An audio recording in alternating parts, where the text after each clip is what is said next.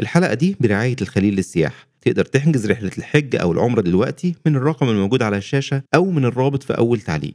ليس هناك مصيبة في الدنيا. أعظم من أن تسمع أذناك وأنت تعيش في زمن رسول الله صلى الله عليه وسلم أن النبي قد بذلوا قلوبهم لله في وجل ونحن نزعم نصر الدين مجانا. بذلوا قلوبهم صبرا على محن صاغت بلالا وعمارا وسلمانا. قال يا نفس إن لم تقتلي تموتي. هذا حمام الموت قد صليت وما تمنيت فقد لقيت. وما تمنيت فقد لقيته.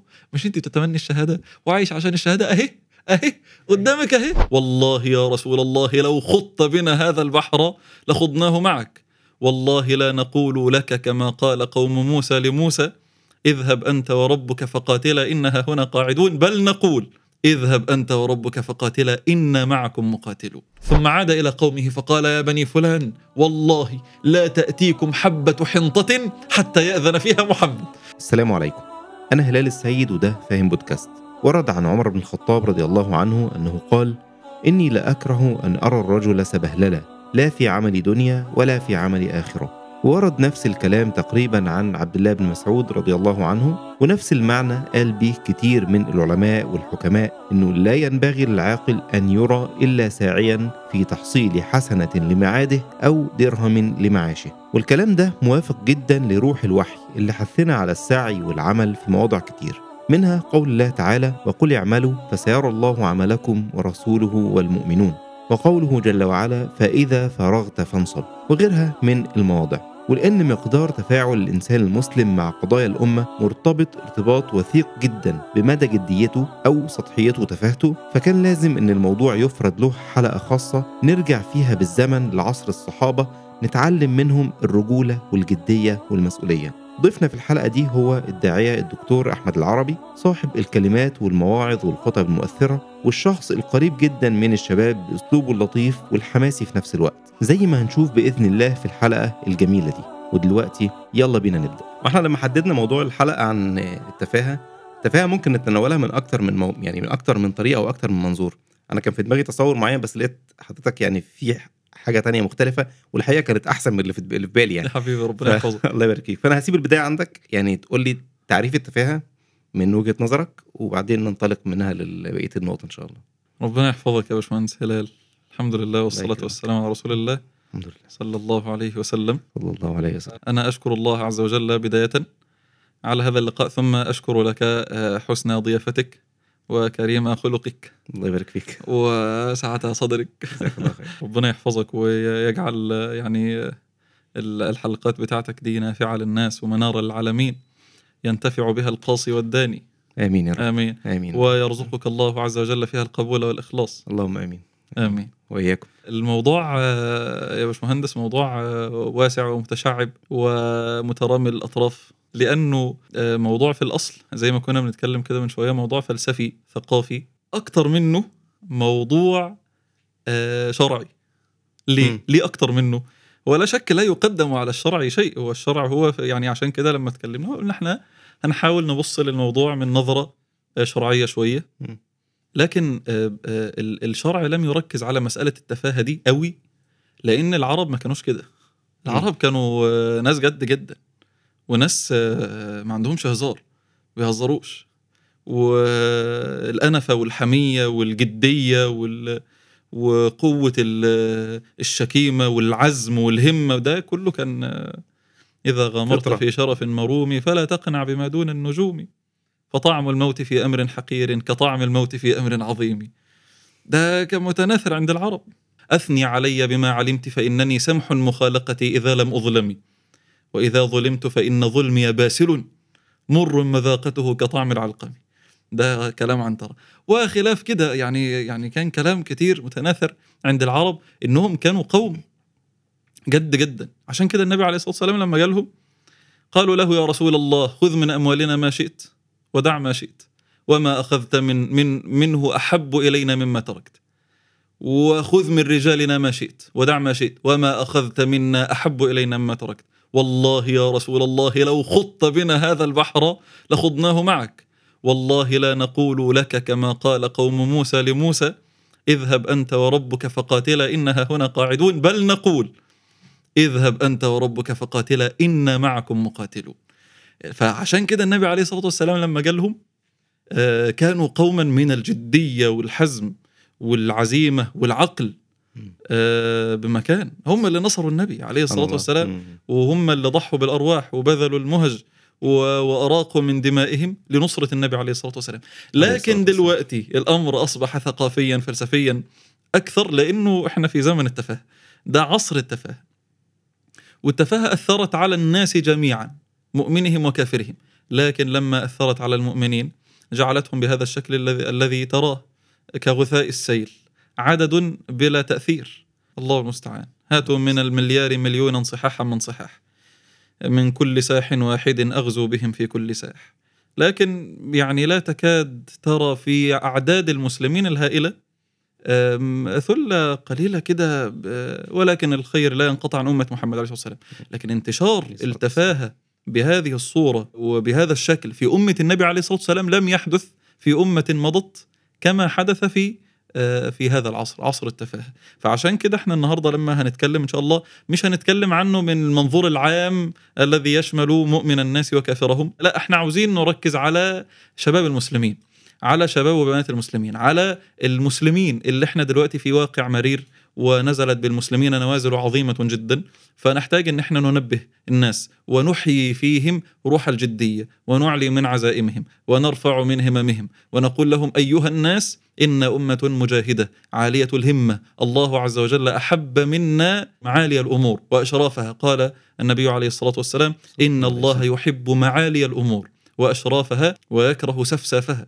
فالنبي عليه الصلاة والسلام كان آه، دافعا باستمرار لأصحابه على مثل هذه المعاني. ولكن لم يكثر في كلام النبي عليه الصلاة والسلام لأن هذا كان الأصل فيه. كان الأصل ان هو أبو بكر يسلم يروح يجيب خمسة ستة من المبشرين بالجنة ويجي. ده لسه يعني هو يعني تخيل واحد يدعو إلى الله ولسه ما حفظش آية من القرآن ولا حديث من النبي عليه الصلاة والسلام. كل اللي عمله الصلاة إنه هو قال أشهد أن لا إله إلا الله وأن محمد رسول الله. شيء عجيب. عجيبة فعلا. أنا أجزم أن في صدري الآن من حفظ القرآن ومن السنة أكثر مما كان في صدر أبي بكر وقت ما دعا هؤلاء. طبعا. لكن ما الذي كان في قلبه من الإيمان حتى يفتح الله عز وجل عليه في الدعوة إلى الله؟ فيأتي ب آه، عدد من المبشرين بال- بالجنة ويجي للنبي عليه الصلاة والسلام أول ما يؤمن. فكانوا بيشتغلوا. يجي للنبي عليه الصلاة والسلام أول ما يسلم يقول له طب أعمل إيه؟ يقول له خذل عنا ما استطعت. إحنا دلوقتي في ثغور كتير مفتوحه شوف انت حاجة تعرف تعملها وتتقن آه، اعمالها تحمل مسؤوليتها. شيلها عننا. خذل عنا ما استطعت. وهكذا أبو هريرة يسلم آه، يروح لقوم ويدعوهم. فيرفع النبي عليه الصلاة والسلام يده ويقول اللهم اهد دوسا واتي بهم. وبعدين يجي دوس كلهم يؤمنوا مع النبي عليه الصلاة والسلام. الطفيل بن عمرو الدوسي لما جاء للنبي عليه الصلاة والسلام وقعدوا يقولوا لل... عشان تعرف إن العرب قوم آه، يعني عاقلين. مش مش تافهين ابدا مش ما عندهمش آه، آه، تدني مستوى وانحطاط وابتذال ورداء التذوق بل بالعكس كانوا قوم يفهموا جدا في الكلام بيعرفوا يتكلموا بيعرفوا يعبروا. فلما جه آه، للنبي عليه الصلاة والسلام وقال فما زالوا بي المشركين جولوا على باب مكة. وقالوا له آه، في جوه ساحر والدنيا صعبة جدا وهتدخل هيسحرك. فقال فما زالوا بي حتى وضعته في أذني في أذني الكرسف قطن ف- يعني. آه. القطن. فلما وضع القطن في أذنيه ودخل على النبي عليه الصلاة والسلام قال والله إني لرجل عاقل أميز السحر من غيره وأميز الشعر من غيره. وما يمنعني أن آتي هذا الرجل فأسمع منه. فراح جاي شايل القطن من ودنه. وراح جاي داخل على النبي عليه الصلاة والسلام. فلما دخل على النبي عليه الصلاة والسلام سمع منه فقال والله ما هذا بالشعر ولا بالسحر. الشاهد من الكلام إنه النبي عليه الصلاة والسلام كان يؤكد دايما للصحابة على معنى آه، علو الهمة والحرص على ما ينفع في صحيح مسلم. النبي عليه الصلاة والسلام قال احرص على ما. ينفعك. واستعن بالله ولا تعجز. احرص على ما ينفعك دي آه، بديهية. بديهية أكيد كل واحد هيحرص على ما ينفعه. لكن في الحقيقة هي مش بديهية ولا حاجة. مش بديهية لا. مم. أبدا. سو- يعني صلى الله على من أوتي جوامع الكلم. هي مش بديهية فعليا. هي معناها إنه في حاجات كتير في الدنيا هتاخدك مما ينفعك هتصرفك عما ينفعك. ومن أبرزها وأهمها وأقواها موضوع التفاهة اللي إحنا بنتكلم عنه النهارده. ولا سيما في عصر شيوع التفاهات وانتشار التفاهات بشكل مبالغ فيه بحجم ضخم جدا لم يكن في عصر مضى. مم. فمسألة أنه النبي عليه الصلاة والسلام يقول احرص على ما ينفعك معناها أنه يعني هناك كثير جدا من الأمور والأحوال التي التي ستصرفك عما ينفعك. طيب طب وأنت شغال مثلا في حاجة تنفعك؟ شغل آه، وظيفة تجارة دراسة قراءة معينة طلب علم معين آه، تمل واستعن بالله. طيب انت استطولت الطريق وخايف انك ما توصلش بعد كل البذل اللي انت عملته ده ولا تعجز. ده حال المسلم. احرص على ما ينفعك.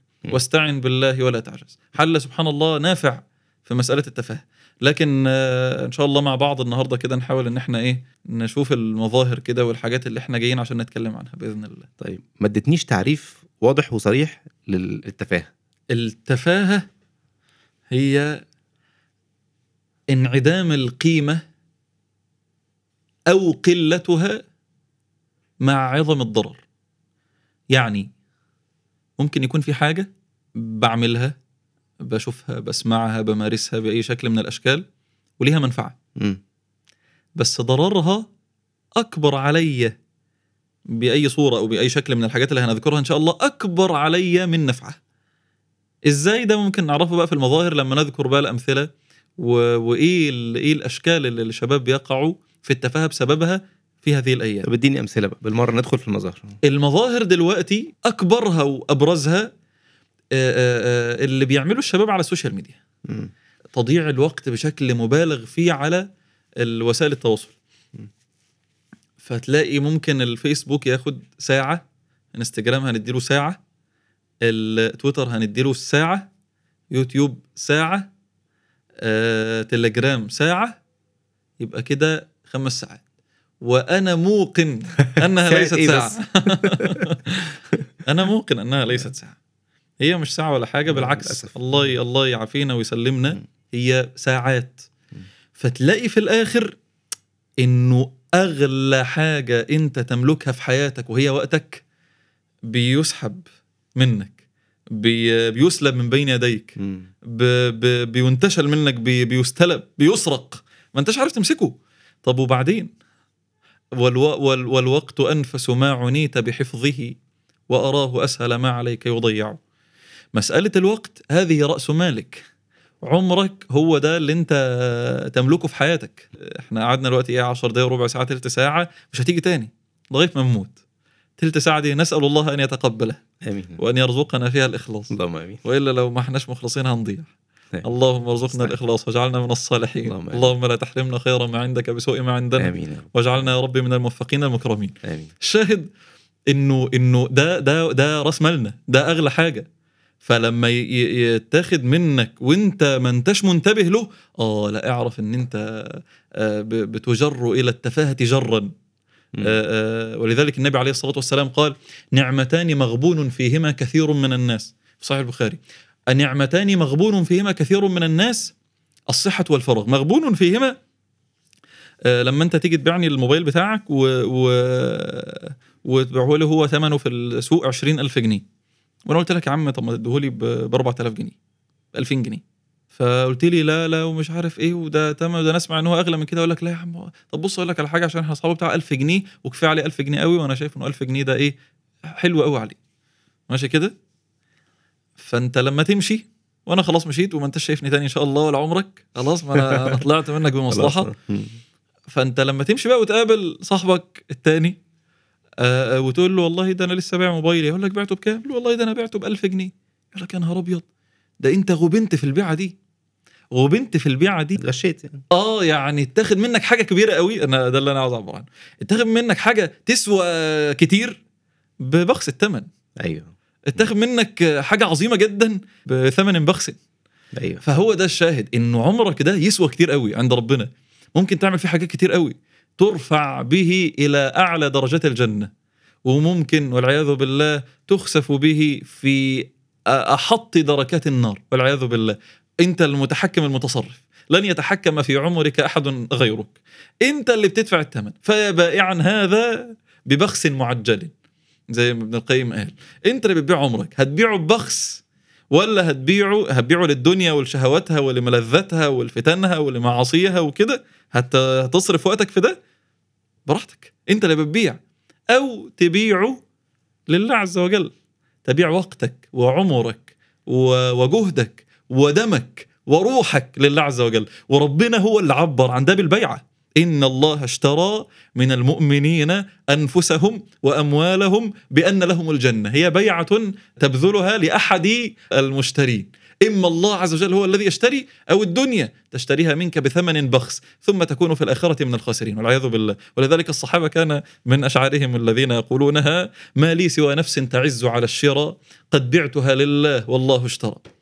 ما لي سوى نفس تعز على الشراء يعني أنا ما ببيعهاش كده بأي بأي ثمن ما لي سوى نفس تعز على الشراء قد بعتها لله والله اشترى. ولذلك كان ابن القيم يقول اشتري نفسك اليوم فإن السوق قائمة والبضاعة رخيصة والمشتري موجود قبل أن يأتي يوم تنفض فيه السوق ذلك يوم التغابن ولا يكون إلا الحسنات والسيئات. الوقت أنت تملك البيعة. هتبيع وقتك وعمرك للتفاهات social media فيسبوك ويوتيوب وسناب شات تليجرام وتويتر و و و و فتسرقوا وقتك ووقتك يضيع ويترمى في الأرض. فيا بائعا هذا ببخس معجل كأنك لا تدري بلى سوف تعلم فإن كنت لا تدري فتلك مصيبة وإن كنت تدري فالمصيبة أعظم. أو تبيعها لله عز وجل فتكون قل إن صلاتي ونسكي ومحياي ومماتي لله رب العالمين تكون حياتك لله استيقاظك لله ومنامك لله وسعيك لله وسكونك لله وكلامك لله وسماعك لله ونظرك لله تكون حياتك لله. ما لي سوى نفس تعز على الشراء قد بعتها لله والله اشترى. فهي دي المسألة. هتستلب التفاهة عمرك؟ أنت اللي أنت اللي بتدفع. لكن الإشكال أن التفاهة الآن تصنع إلينا صناعة. آه، بتو... عشان كده الكتاب اللي كنت لسه بقول لك عليه كتاب ألان دونو بتاع الكندي ده هو آه، كاتب كتاب حلو اسمه نظام التفاهة. هو بيحاول يصور لك فيه إنه الآن العالم قائم ال- ال- ك- كبار الرؤوس الاقتصادية في العالم قائمة على صناعة التفاهة للناس والتربح من وراء ذلك. في. اليوتيوب هو عاوزك تدخل ما تطلعش. في أيوة. الفيسبوك هو عاوزك تدخل ما تطلعش. مش مهم عنده عمرك. مش مهم عنده وقتك. مش مهم عنده انت صليت ولا ما صليتش. مش مهم عنده انت بقيت حاجة في في دنياك ذاكرت واجتهدت وتفوقت ولا. دي مش القصة. القصة إحنا هنكسب من وراك إيه؟ القصة انت هتدينا ربحا وكسبا ومالا عامل إزاي؟ فبيعتمدوا على نظرية اسمها نظرية الغرز. هتدخل اليوتيوب فهو إيه؟ بيعرف اهتماماتك. هتدخل على فيديو يفتح لك تاني. ده مستوى أعلى. هتدخل على ثالث يفتح لك رابع. لغاية ما يلعب بقى على الغرائز والشهوات. يفتح لك خامس سادس سابع فجأة تلاقي إيه ده؟ أنا وصلت فين؟ وعلى هذا فقس في الفيسبوك وغيره من وسائل التواصل. ده مظهر من مظاهر التفاهة ال- ال- العظيم دلوقتي. ال social media وما تصنعه في الناس وده لازم من وقفة جادة معاه وقفة حازمة. لأن كان زمان كان الملتزمين اللي يعني مش عاوز يعصى ربنا عز وجل بيتحرى جدا في الحلال والحرام وبيخاف من غضب ربنا عز وجل.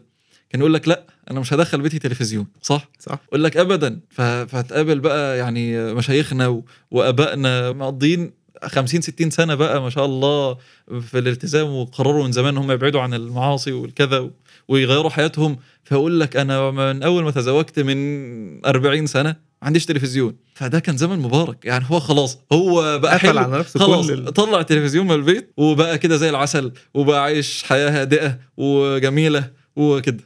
إحنا دلوقتي مش عارفين.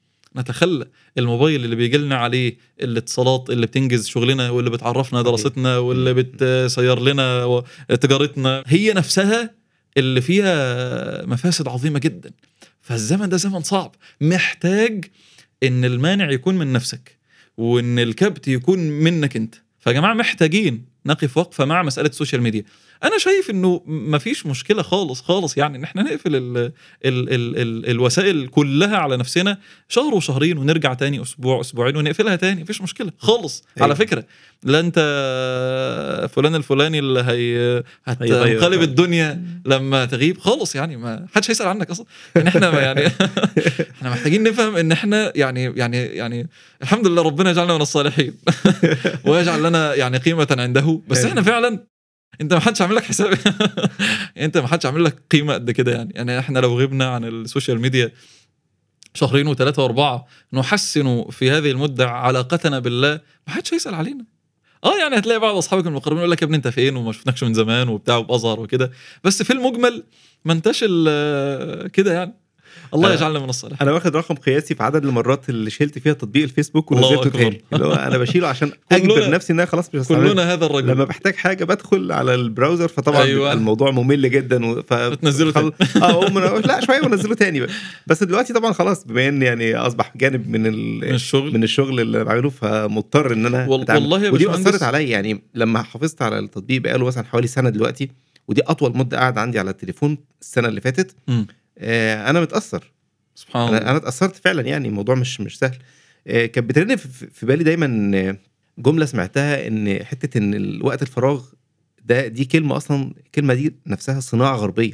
صناعة مش يعني ملهاش دعوة الكلمة دي مصنوعة مش في مش في مم. مش في المجتمع الله. المسلم. مش للمجتمع المسلم.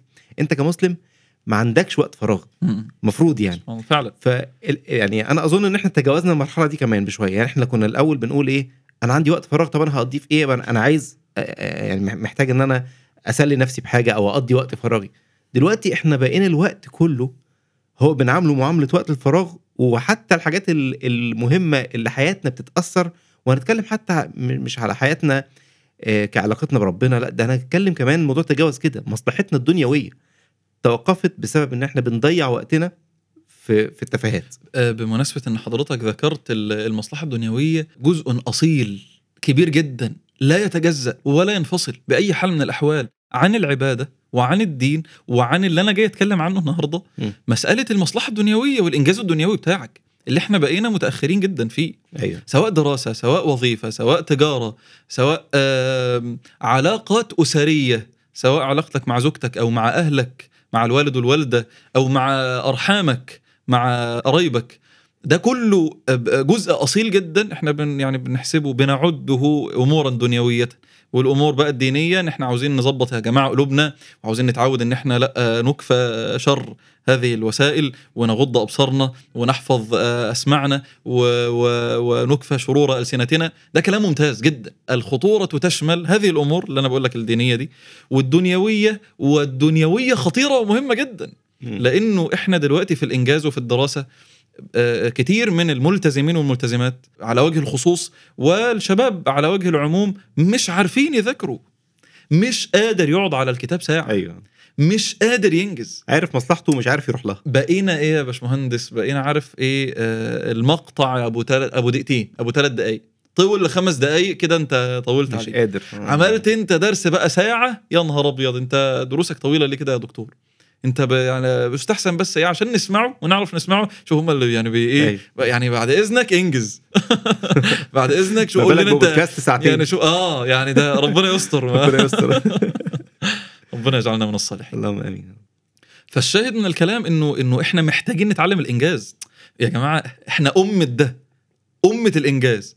وبعد الإنجاز مفيش فراغ في عبادة. يعني النبي عليه الصلاة والسلام ربنا قال له فإذا فرغت أي من عملك من صميم شغلك من إدارة الأمة ومتابعة بقى أحوال ال- المسلمين وكذا وتفقد الصحابة النبي عليه الصلاة والسلام كان أعظم الناس هما في الدنيا. ورغم كده رب العالمين يقول له فإذا فرغت خلاص فانصب. ينصب النبي صلى الله عليه وسلم قدميه في العبادة بعد الفراغ من مع من الشغل. فبعد الدنيا يجي بقى وقت الإيه؟ وقت ال- الانطلاق في الدين. وقت الإحراز المراتب العالية عند الله. ده وقت التفرغ. ده وقت التفرغ. يعني يعني أنت في الأصل ده تعليقا بس على كلام حضرتك إنه ده أمور الدنيوية بعيدا عن الأمور دي لا لا لا. إحنا في الأصل إن إحنا بنذاكر. طيب أنت فرغت تطلب علم بقى بجد. تبقى راجل. تقوم تصلي قيام ليل على رواقة وهداوة وتركيز. تقوم تذكر بقى كده ساعتين ثلاثة ذكر. إحنا ما عندناش الوقت ده عندنا وعندنا كتير. بس مين اللي بيعمل؟ مين اللي بيعمل؟ إحنا النهارده امبارح أول امبارح الأسبوع اللي فات من شهر قعدنا على الفيسبوك بمعدل يومي يعادل. طبعا في أحداث غزة وكذا كلنا بقى عاوزين نتابع أيوة. أيوة. وكذا فبنقعد يعني. قعدنا قد إيه؟ طيب ليه ما نقدرش نعطي شيء مش هقول كل المدة شيء من المدة دي لله خالصة مخلصة. تبقى ساعة قاعد في الأوضة معكش موبايل معكش حد من أهلك أنت خال فيه بنفسك لا تفعل شيئا إلا إنك تقول أستغفر الله أستغفر الله ده هذا شيء نافع جدا للأمة. مم. الله عز وجل رفع العذاب عن الأمة بالاستغفار. وما كان الله ليعذبهم وأنت فيهم وما كان الله معذبهم وهم يستغفرون. ده سبب في رفع البلاء العام العام عن الأمة. مم. ماشي؟ آه إنك تخلو بنفسك ساعة ساعتين آه آه بتذاكر. بجد. بتقرأ كتاب. بجد. تقرأ كتاب عن الصحابة. بجد يشكلك يكونك يصنعك بسير الصحابة وسير هؤلاء الأبطال. لكن إحنا متعودين للأسف للأسف إن إحنا ناخد آه، ديننا وسط التفاهة. ولهذا هو ده اللي بيقنعنا إن إحنا كويسين. إن أنت كل ثلاث أربع منشورات بين كوميك وبين آه، منشور تافه ملوش أي لازمة في الوجود وبين صورة دعائية لمنتج معين ايا يكن هو إيه؟ ومنشور ممول. الرابع معلومة دينية. في شرح حديث من أحاديث النبي عليه الصلاة والسلام أو فيديو نزله فلان الفلاني فأنا بستفيد منه ونكمل. ده يا جماعة مش صح. مش صح. وإحنا كمسلمين مش ده اللي هيبنينا. إحنا المفروض نبنى لصناعة أمة لصياغة مستقبل أمة. إحنا مش مش اللي يبنينا منشور ومنشورين. وفيديو وفيديوهين على على الفيسبوك ولا على اليوتيوب ابدا. إحنا نتبنى بالصبر والجدية وتحمل المسؤولية. مش هنتبنى بمنشور واتنين وبمقطع واتنين وبال كده. لا ابدا. العشوائية لا تبني. العشوائية لا تبني. بل لابد من الصبر. الصحابة قعدوا مع النبي عليه الصلاة والسلام في مسألة. التربية سنة يصلوا قيام ليل فرضا. فرضا فرض عليهم قيام الليل سنة. قالت عائشة في الصحيح فقام الصحابة مع النبي صلى الله عليه وسلم حتى كانت. أرجلهم كجذوع النخل. وقف تخيل يعني النخلة لما تيجي تبص للنخلة جدرها من تحت عامل إيه؟ متشعب وتخين وكده. من فوق طلع على رفيع. هو ده كان منظر الصحابة هم واقفين ورا النبي. سنة الصحابة بيصلوا مع النبي بالتقسيم الليلي اللي ربنا عز وجل وضعه في القرآن لدرجة إن الصحابة رجولهم من تحت بقى شكلها غريب جدا بقت شكل جذوع النخل ومن وبقيت أجسامهم طبيعية بس من تحت رجول رجولهم ده دليل على شدة التورم شدة التورم. ويصلوا بقى نص الليل أو الليل كله أو ينقصوا منه قليلا. وبعدين نزل التخفيف. فصنع من الصحابة أبطال. هم اللي فتحوا مع النبي عليه الصلاة والسلام بعد كده. هم اللي غزوا معاه في في بدر. هم اللي طلعوا معاه في أحد. هم اللي فتحوا معاه مكة. هم اللي طلعوا معاه مؤتة. والعدد هم اللي طلعوا معاه معذرة تبوك. وكانت النتيجة إن أنا وأنت دلوقتي قاعدين بنتكلم عن الإسلام. وإلا لولا فضل الله عز وجل آه، وتبليغ نبيه صلى الله عليه وسلم ثم فضل هؤلاء الأبطال ما وصل إلينا هذا الدين. لقد وصل إلينا هذا الدين على دماء عمار. وسمية وتعذيب بلال وهجرة صهيب وتضحية أنس بن النضر وثبات أبي بكر وشجاعة عمر وبسالة خالد هو ده اللي وصل لنا هذا الدين. أما أن يكون الرجال المسؤولون عن المنافحة عن الدين والدفاع عن الدين لم يتربوا ولم ينبنوا على القرآن والسنة بجدية وتحمل مسؤولية هي دي المشكلة. يا جماعة إحنا محتاجين نتعلم من النوازل وأنا جاي النهارده عشان نربط مسألة التفاهة ب- بقضية الأقصى و- والدفاع عن أمة الإسلام. إحنا محتاجين نتعلم الجدية كفاية بقى.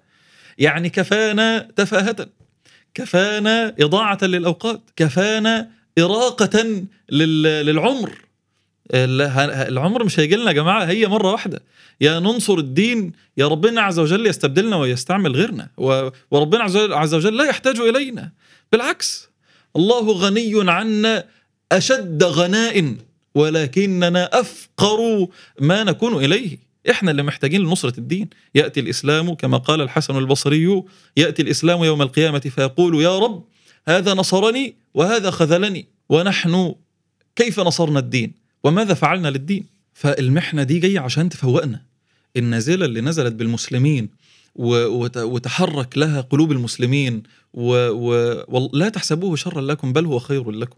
ربنا عز وجل آه، أزال بها كثيرا من ال من ال من الغشاوة اللي كانت على قلوب شباب وبنات المسلمين. مم. تحركت قلوبهم تجاه الدين. فلازم نستغل ده. لازم نمسك ده بقى. نقول للناس بس ارسوا بقى ويعرفوا كيف تنصرون دين الله. وكيف تتحركون في رفعة آه، آه، الشريعة وفي رفع راية الدين. وإلا هيكون الحماسة دي على لا شيء. هنسخن نسخن ونعلى وبعد يومين ثلاثة أربعة أسبوع اتنين شهر كسعة في النخل. يحترق سريعا ثم سريعا ما يخمد ولا كأن في أي حاجة. ليه يا جماعة؟ لازم نستغل ده ونعرف إنه الدين بيبنى برجال. من المؤمنين رجال صدقوا ما عاهدوا الله عليه. فمنهم من قضى نحبه ومنهم من ينتظر وما بدلوا تبديلا. نزلت في مين؟ نزلت في أنس بن النضر عم أنس بن مالك عليهما رضوان الله. غزوة أحد محنة عظيمة جدا. الله المستعان. حتى إذا فشلتم وتنازعتم في الأمر وعصيتم من بعد ما أراكم ما تحبون منكم ما يريد الدنيا ومنكم ما يريد الآخرة ثم صرفكم عنهم ليبتليكم. فجأة أشيع أن النبي عليه الصلاة والسلام قتل. ليس هناك مصيبة في الدنيا أعظم من أن تسمع أذناك وأنت تعيش في زمن رسول الله صلى الله عليه وسلم أن النبي قتل أو أن النبي مات. ما فيش مصيبة في الدنيا أعظم من كده. وما فيش مصيبة مرت على الإسلام أعظم من موت رسول الله صلى الله عليه وسلم. ولذلك كان موته من علامات الساعة أصلا. أصلا. أعدد ستا بين يدي الساعة بعثتي وموتي.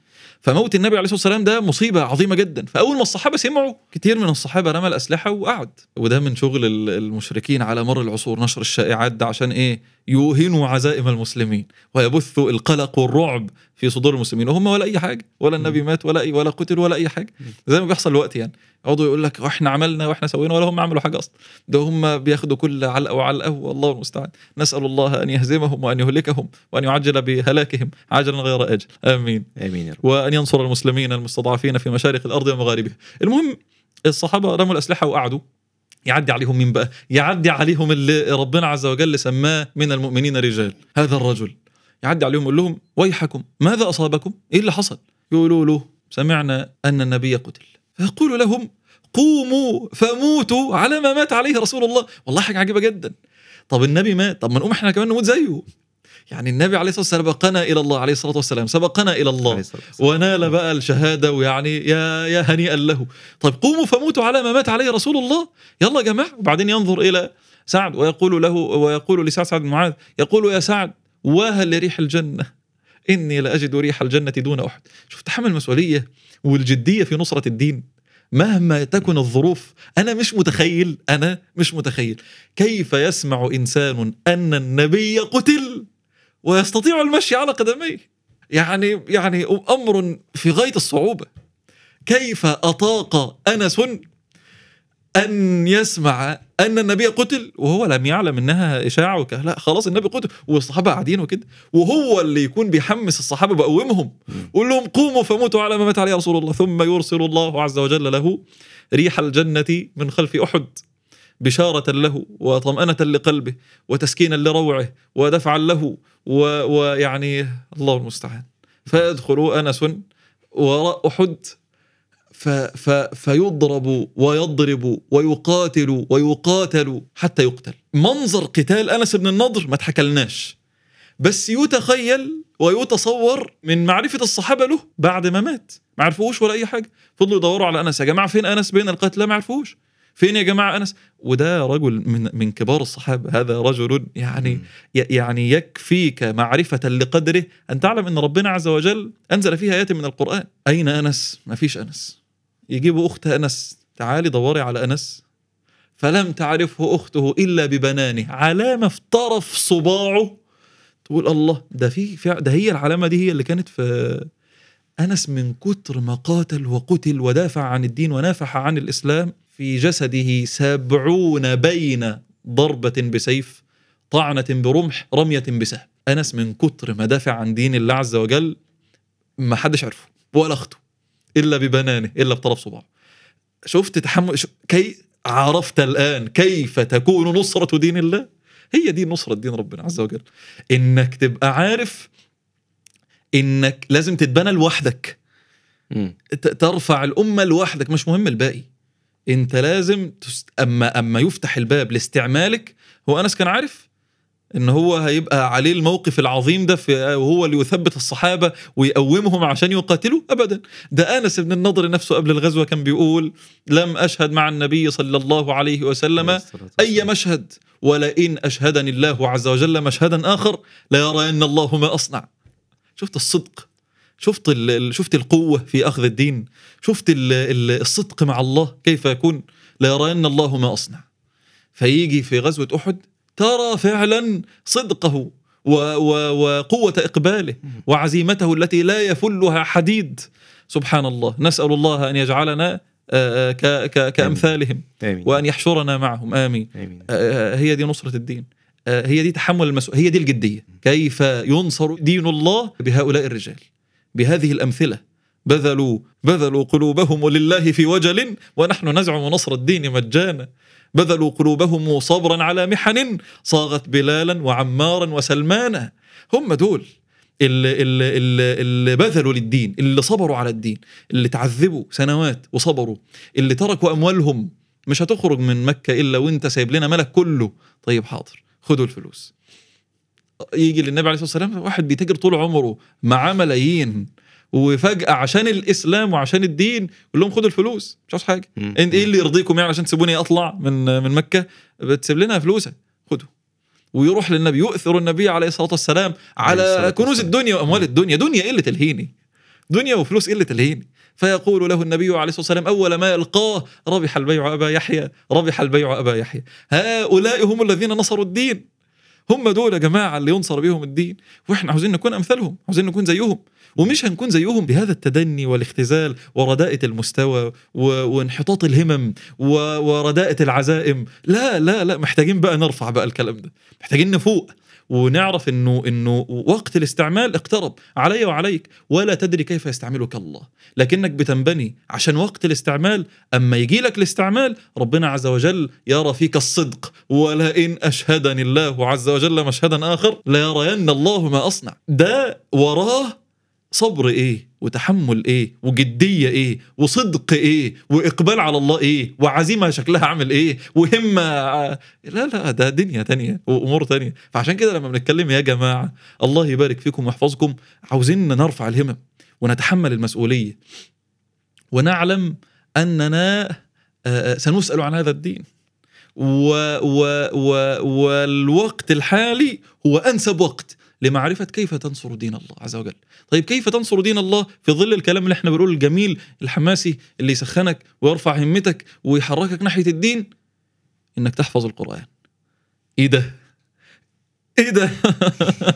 إحنا كنا فوق أيوه أنا كنا فوق خالص. أنا بقى لي نص ساعة طاير معاك في حتت يعني الواحد أنا قاعد بسأل نفسي طب يعني أحيانا الواحد بيتخيل إن الواحد لو كان عايش في وقت النبي عليه الصلاة والسلام وكان مكان أنس مثلا كان ممكن يعمل اللي. عمله وكان يبقى متشجع جدا إنه يعمل كده. بس تيجي تبص في نفسك تسأل بقى السؤال تحاول تستخرج سؤال صادق أو إجابة صادقة من نفسك كده. هل أنت فعلا أنت بشخصيتك الحالية تقدر تعمل واحد على مليون من اللي كانوا بيعملوه؟ بص تشك. سبحان الله. تشك فعلا. هما أنا شايف يا باشمهندس. إنه في كلمة آه، جميلة قوي كانوا مشايخنا بيقولوها لنا زمان ودي كلمة ع- تحمل وراءها معاني كثيرة جدا.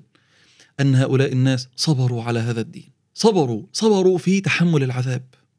صبروا في تحمل الأذى.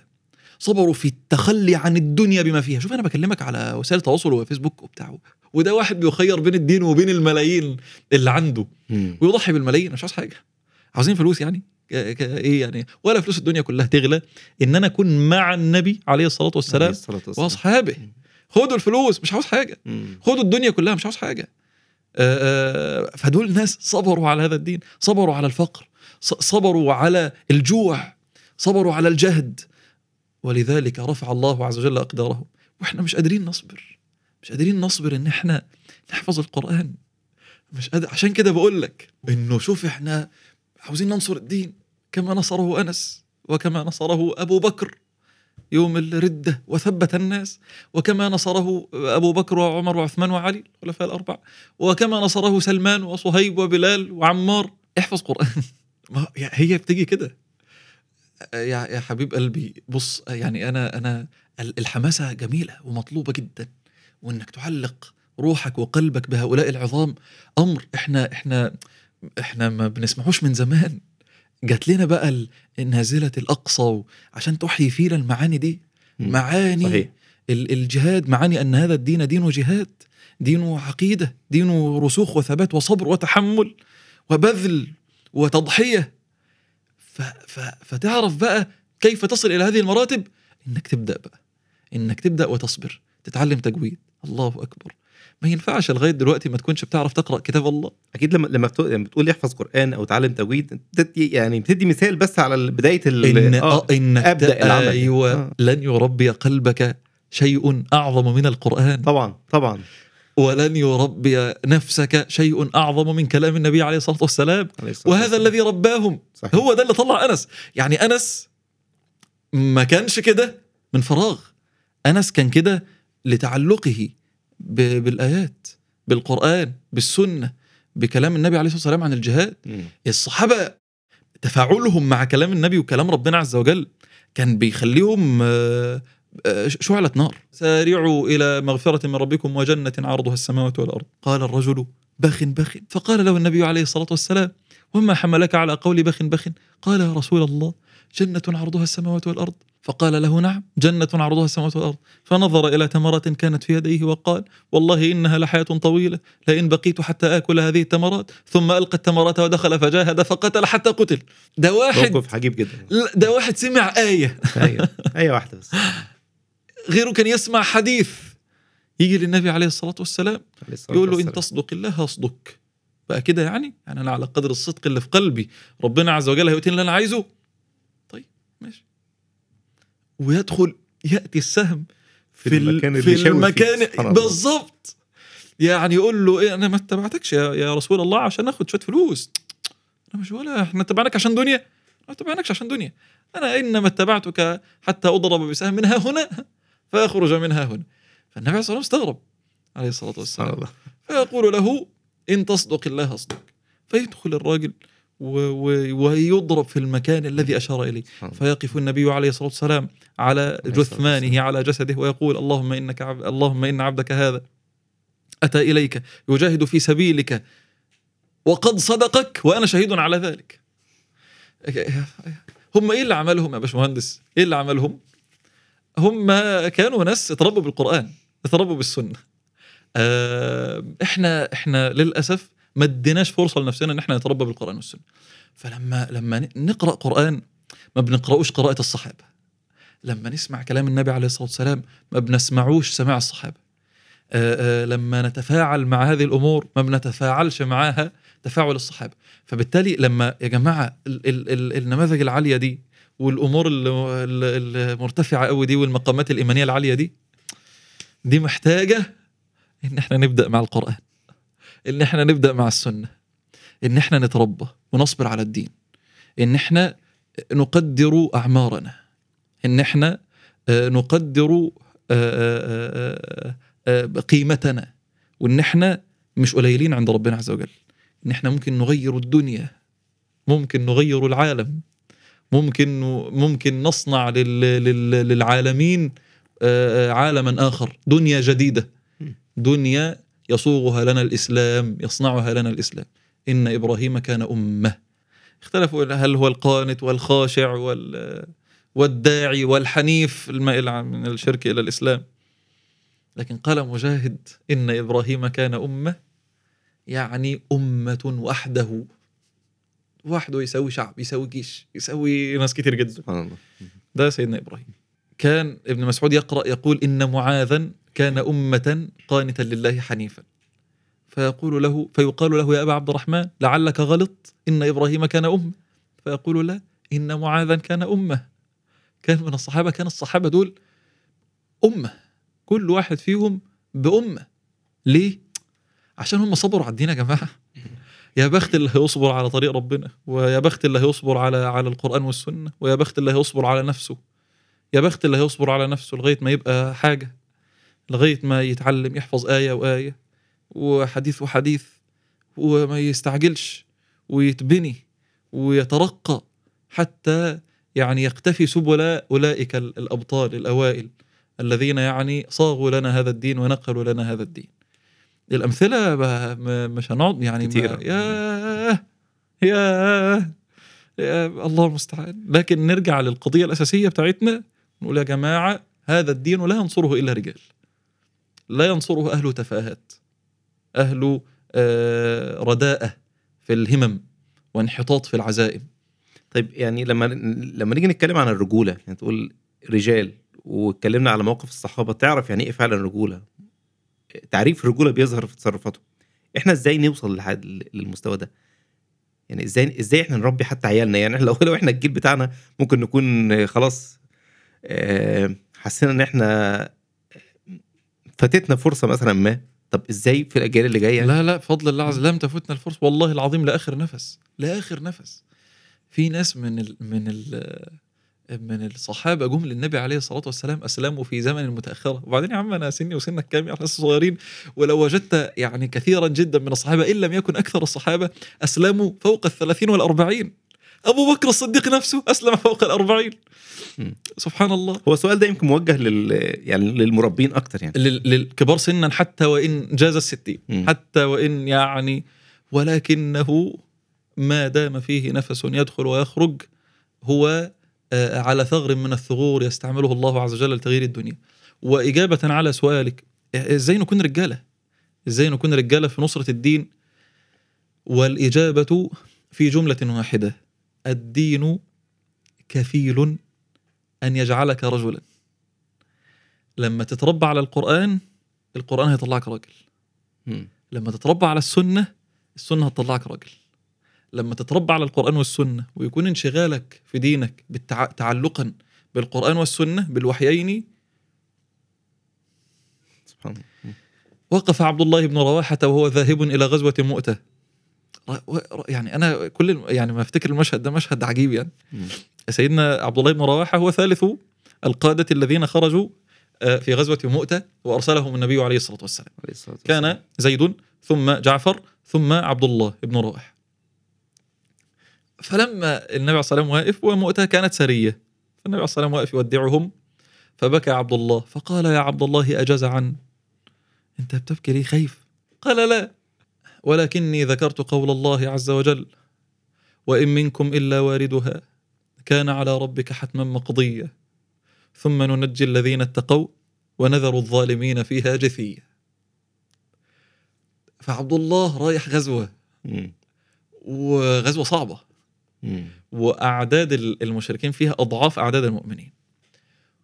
والذي في ذهنه هي النار. ووروده على النار. قال وإن منكم إلا واردها كان على ربك حتما مقضيا ثم ننجي الذين اتقوا ونذر الظالمين فيها جثيا فذكر الله أننا واردون لها ولم يذكر أننا صادرون عنها. ربنا أخبرنا إن إحنا كلنا رايحين بس ما لناش هنرجع ولا لأ. معنى خطيرة كلنا هنروح. كلنا هنقف. ماشي. لكن هنرجع ما دي ما نضمنهاش ما أنتش عارف. الشاهد بقى من الكلام اللي أنا عاوز أقوله يعني إنه آه، آه، ده واحد رايح غزوة ورايح غزوة صعبة جدا. زيد قتل بالمناسبة هي دي الغزوة اللي قتل فيها برضه عبد الله. زيد قتل وجعفر قتل ما قتلش قتله عادية. جعفر آه، قطع ذراعه الأيمن ثم قطع ذراعه الأيسر ثم شق نصفين. سبحان الله. شق نصفين. فأبدله الله عز, عز وجل بجناحين بدلا من ذراعيه يطير بهما في الجنة. ثم دخل عبد الله بن رواح ف- فقتل. ولكنهم آه، آه، كانوا يثبتون أنفسهم بالقرآن والسنة. و- وتخيل واحد أنت شايف آه، قدامك اتنين قتلوا. فلما شاف إن هم قتلوا وشاف إن نفسه ممكن تضعفه شوية قال يا نفس إن لم تقتلي تموتي هذا حمام الموت قد صليت وما تمنيت فقد لقيت وما تمنيت فقد لقيت اهو مش انت تتمني الشهادة؟ وعايش عشان الشهادة أهي أهي. قدامك أهي. وما. تمنيت فقد لقيت إن تفعلي فعله ما هديت وإن توليت فقد شقيت إن تفعلي فعله ما فعل زيد وجعفر وهديت وإن توليت فقد شقيت وكذلك أقسمت يا نفس لتنزلن لتن لتنزلن أو لتكرهن. ما لي أراك تكرهين الجنة. إن أجلب الناس وشدوا الرنة هل أنت إلا نطفة في شنة؟ إيه في- أنت أنت بتكرهي الجنة؟ أهي مم. مم. ودخل. فقاتل حتى قتل. ما لي أراك تكرهين الجنة. الشاهد بقى من الكلام وده يصب في صميم موضوعنا. أقسمت يا نفس لتنزلن. مش بمزاجك. لتنزلن أو لتكرهن. شيء عجيب. عجيب جدا. شفت يعني وده يا جماعة ده مش مش واحد يعني بيجبر نفسه عشان يروح يحضر صلاة الجماعة في المسجد ولا صلاة الفجر ولا بيقوم نفسه لقيام الليل وبيجاهد نفسه عليها ولا واحد بيواظب بيجاهد نفسه على المواظبة على حلقة القرآن ده واحد بيجاهد نفسه الآن على الجهاد في سبيل الله على الدخول عشان يقتل. مم. وبيقول لنفسه كده.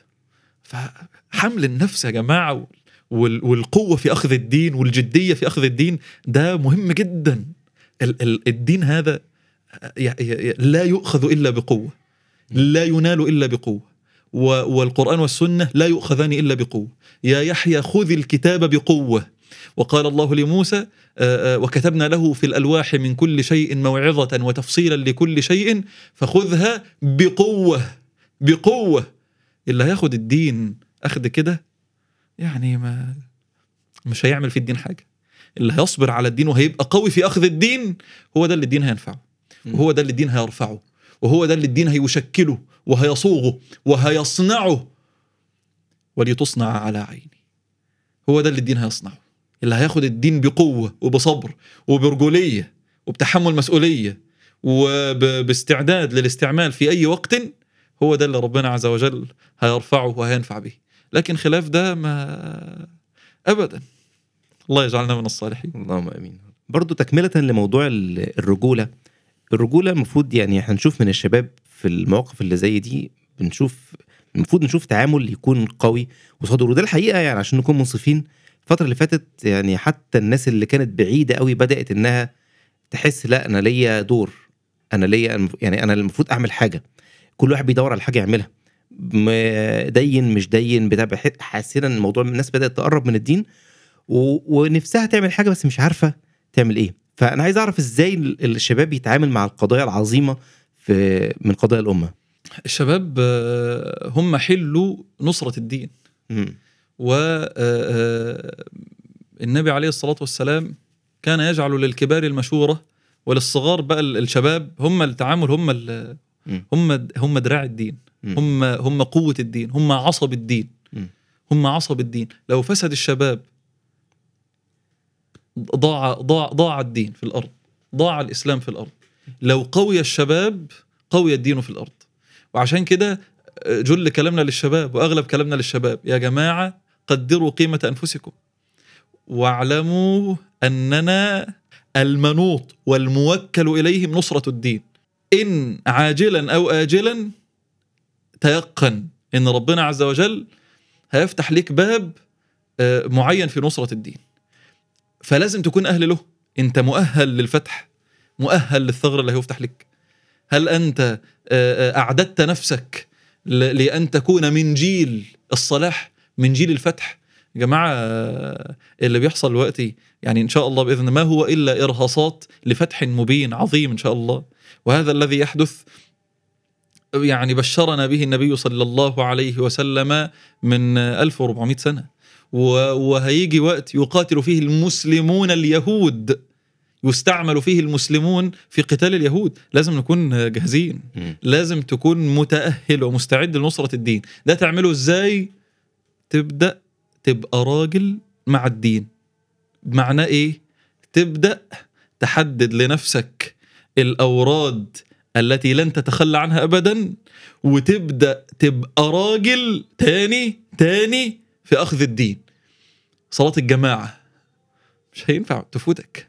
مش هينفع تكون لسه لغاية دلوقتي آه، بتجاهد نفسك في صلاة الفجر وال...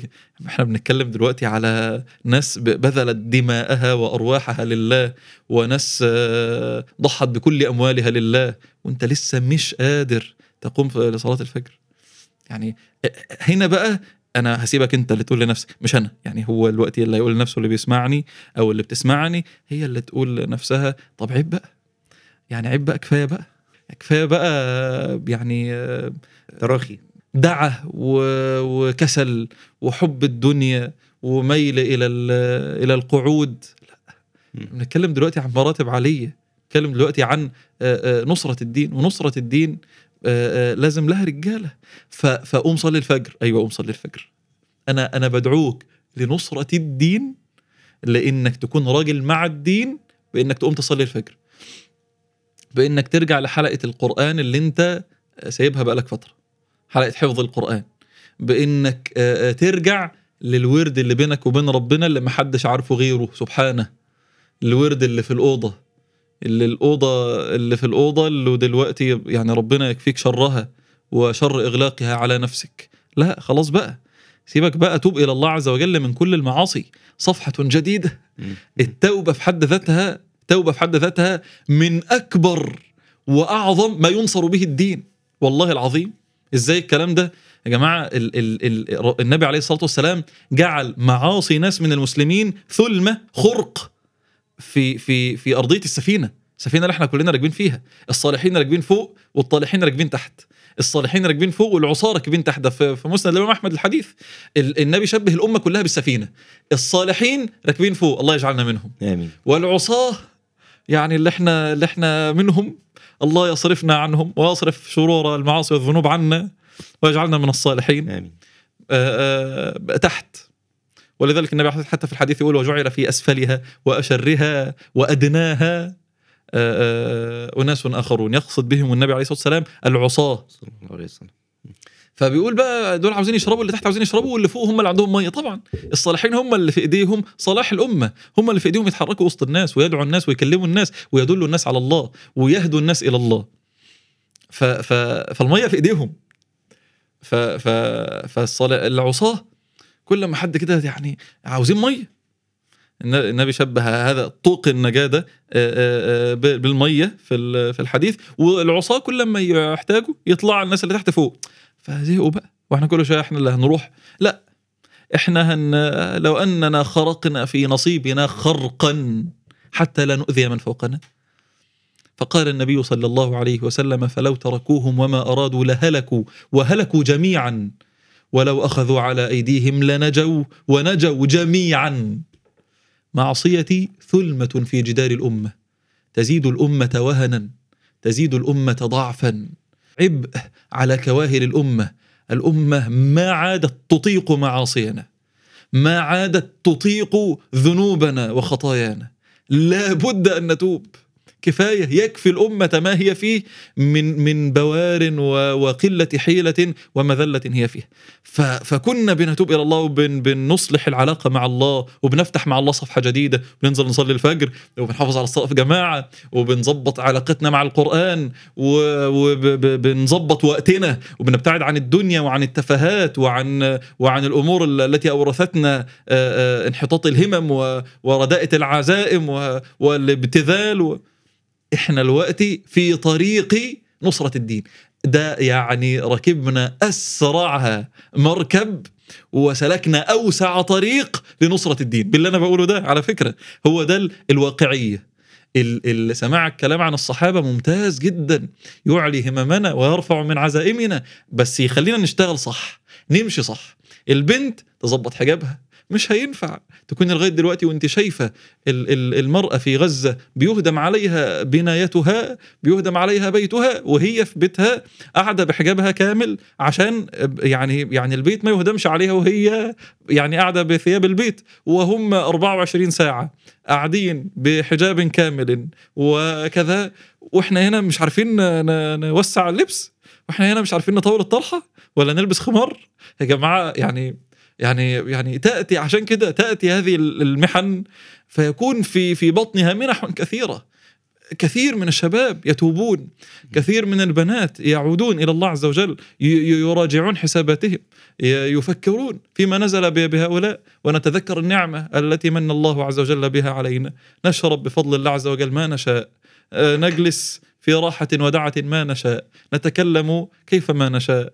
نخرج ونأتي وكذا كما نشاء. وهم هناك لا يستطيعون أن, أن, أن يلتقطوا أنفاسهم من شدة الرعب والخوف. تحمل المسؤولية. أنت فرد من الأمة. أنت واحد من, من, من, من هذه الأمة التي مثلها أنا وأنت وهؤلاء كمثل الجسد الواحد. أنا الآن أتألم كألمه أو أشد. آه، إذا وقع آه، صاروخ على منطقته أو إذا وقعت عليه بنايته. ألمي؟ لا يقل عن ألمه وسعي هنا لا يقل عن سعيهم في إغاثة بعضهم. المؤمن للمؤمن كالبنيان يشد بعضه بعضا. لو إحنا ما تحملناش المسؤولية والله هنسأل أمام الله عز وجل. هذا حال المسلم الصادق مع الله عز وجل إن هو فرد من هذه الأمة. تحرك اسعى اعمل اللي في إيدك. ما فيش في إيدك غير الدعاء اشتغل. ما لا تقف. ما فيش في إيدك غير المقاطعة. قاطع. قاطع. ما ما تقفش. لكن هنقعد بقى نقول طب وكذا وكذا. يعني ده ده أمر يعني الله المستعان. الله يجعلنا من الصالحين وينصر بنا. الدين. آمين. هو برضو يعني أول ما اتكلمت على تحمل المسؤولية لما جبت سيرة تحمل المسؤولية أنا جه في دماغي موضوع المقاطعة. إحنا عايزين برضو نتكلم فيه شوية يعني إن في جدل كبير في موضوع المقاطعة ده الفترة دي. بعض الناس ماسكة في حتة إيه هو هيعمل هتعمل إيه المقاطعة؟ ملهاش لازمة. وواحد يقول لك طيب آه، ما هو لو أنا ما اشتريتش غيري هيشتري. هو الموضوع له بعد اقتصادي وكنا يعني محتاج إن حد آه، اقتصادي يعني متخصص يتكلم فيه ويعرف يقول لنا في تأثير فعلا بالأرقام ولا لأ وإن كان في تأثير بس إحنا طبعا عشان إيه مش هنتكلم في الجزء البعد الاقتصادي. إحنا هنتكلم في إحنا يعني أنا كراجل كمسلم عادي فرد في إيدي شايف في حاجة قدامي ممكن أعملها أنصر بيها آه، إخواني. سواء أنا كنت صح أو غلط يعني سواء كان فعلا هيحصل تأثير مباشر أو أو, مش مباشر. سلاح المقاطعة ده أستعمله إزاي؟ المقاطعة لها أصل شرعي وبهذا قال أهل العلم قديما وحديثا. وهذا ما ورد في كلامي آه، آه، آه، في في السنة في في في فيما فعل مع النبي صلى الله عليه وسلم ممن أسلموا م. ثمامة بن أثال و- وهو يعني يعني يعني أحد كبار الصحابة. كانت في قصة إسلامه وهي قصة عجيبة جدا. لما أتى وأسر وربطه الصحابة في سارية من سواري المسجد وهم يريدون أن يربطوه ليرى حال الصحابة. وأي حد بيرى حال الصحابة بيسمع حال الصحابة قلبه بيرق على طول. قلبه بيرق وبيخشع وبيحتقر نفسه. ويعني الله لا تعرضن لذكرنا عن ذكرهم. ليس الصحيح إذا مشى كالمقعد فيعني نحن في نسأل الله أن يحشرنا معهم وان يجعلنا أمثالهم وأن ي- أن يدخلنا في عباده الصالحين. آمين. فربطه الصحابة في سارية من سواري المسجد ثلاثة أيام. كل يوم النبي عليه الصلاة والسلام يجي له يقول له ماذا عندك يا ثمامة؟ فيقول له يا محمد إن تقتل تقتل ذا دم وإن تنعم تنعم على شاكر وإن كنت تريد المال فسل تعطى منه ما شئت. فيجي له في اليوم الثاني يقول له ماذا عندك يا ثمامة؟ إيه ما غيرتش رأيك مش هتسلم يقول يا محمد إن تقتل تقتل ذا دم ذا دم يعني يعني آه، آه، أنا أنا مش قليل يعني. أنا ليا ناس وليا قبيلة والدنيا يعني ما مش قليل. أو المعنى الثاني تقتل تقتل ذا دم بصراحة ديتي هتبقى كبيرة جدا. هيطلبوا منكم ديه وكذا. إن تقتل تقتل ذا دم وإن تنعم تنعم على شاكر وإن كنت تريد المال فستعطى منه ما شئت. فقالوا في اليوم الثالث قال له نفس الكلمتين فقال أطلقوا ثمامة. فثمامة شفت انفه العرب وعزه العرب. والرجولة اللي كانت عند العرب ما ما ما يسلمش ابدا وهو مربوط. أنا ما أنا ما ما أدخلش في الإسلام وأنا مربوط أنا أدخل فيه وأنا حر يعني هو مما رأى طب ما كان ممكن يسلم في اليوم الثالث هو خرج من المسجد راح اغتسل لأنه تعلم في الثلاث أيام دول. كيف يدخل الإسلام. فدخل فراح اغتسل ثم عاد إلى المسجد وقال يا محمد أشهد أن لا إله إلا الله وأن محمدا وأنك رسول الله. ثم قال والله يا رسول الله ما كان على وجه الأرض أبغض إلي من وجهك. فصار وجهك أحب الوجوه كلها إلي عليه الصلاة والسلام. عليه الصلاة والله يا رسول الله ما كان بلد على وجه الأرض أبغض إلي من بلدك والآن بلدك أحب البلاد كلها إلي. ثم عاد إلى قومه فقال يا بني فلان والله لا تأتيكم حبة حنطة حتى يأذن فيها محمد.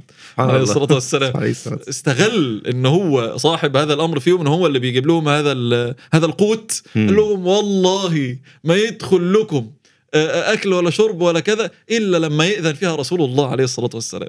فهذا سلاح عظيم جدا أهم ما عند الناس آه، آه، قوتهم الذي يتغذون عليه. يعني فاذا منعت عن الناس آه، المال والأكل والشرب الطعام والشراب فعلوا لك ما تشاء. هؤلاء الناس أربابهم الغرب ربهم الأعظم هو المال هو هي الفلوس هي يعبدون الدرهم والدينار. صحيح. فإذا كان التأثير في هذا الأمر فعلوا لك ما تشاء. فعلوا لك ما تشاء. طيب آه، آه، هل يعني آه، أنا هأ- هأؤثر في المقاطعة؟ هل أنا بمقاطعة إن أنا ما أشتريش كذا المقاطع اللي بيأتيني من الدول المعادية للإسلام والمناصرة لأعداء الإسلام والمنكله بإخواني وبأمتي والمعذبة لقومي. آه، آه، هيؤث- هيؤثر مقاطعتي؟ طبعا هيؤثر. وأنت تقف أمام الله وحدك وتأتيه فردا وكلكم آتيه يوم القيامة فردا. ثم إحنا لسه كنا بنقول إن إبراهيم كان أمه. يا عم أنت مالك؟ أنت دلوقتي مالك بغيرك؟ غيرك ما قطعش. أنا مالي برضو. يعني أنا غيري بي بيشرب أو بياكل أو بيشتري أو كذا. أنا مالي. أنا هتحاسب على عملي أنا. وبعدين أنت لازم تعرف قيمتك. يا عم أنت أنت أنت محور. أنت مؤثر. أنت لك قيمة. أنا أكره من المسلم ألا يدري قيمة نفسه. ألا يدرك حجم تأثيره في الدنيا. والله العظيم في الدنيا. صحيح. أنت فعليا كمسلم تلك قيمة عظيمة جدا. الله عز وجل يغير بك أمما من الناس انت لا تدري حجمهم ولا عددهم. بس أنت بترمي عليك الأذان وعلينا البلاغ. على أنت بتفعل والله عز وجل يهدي بفعلك ويفتح لك بهذا الفعل أناسا عظيمين. وعلى فكرة هي الدنيا كده. واحد بيثبت فيجي بعده أناس كتير تثبت بعده وتعمل نفس العمل. لو إحنا ماشيين في طريق واقف و... وكده والدنيا بس هم كل واحد ملتزم بحارته والطريق منظم. وواحد شاف كده حتة مكسورة في الجدار اللي بين الطريقين الطريق الرايح والطريق اللي جاي وقال لك بس الطريق ده كله واقف والطريق التاني فاضي. ما فيهوش حاجة خالص ده يا دوبك ثلاث أربع عربيات بيعدوا كل قد إيه. المهم وسالك والدنيا جميلة. قال لك بس أنا هاخد الحتة دي مخالف. إيه آه يا دوبك ال 200 300 متر دول و... و... و... وخلاص وعدي من الطريق وإحنا ناقصين عطلة وناقصين تأخير. هيعدي بلا شك بلا شك. في 300 عربية وراه هتعمل نفس اللي هو عمل. الطريق الثاني هيقف بعد هو هو صاحبنا ده مش هيروح ولا حاجة. هو هيتعطل عطلة أكتر من اللي كان هيتعطلها لو إيه لو كان ماشي في الطريق السليم بس الشاهد من الكلام قولة ابن تيمية آه، رحمه الله تعالى والناس كأسراب القطا مجبولون على التشبه بعضهم ببعض.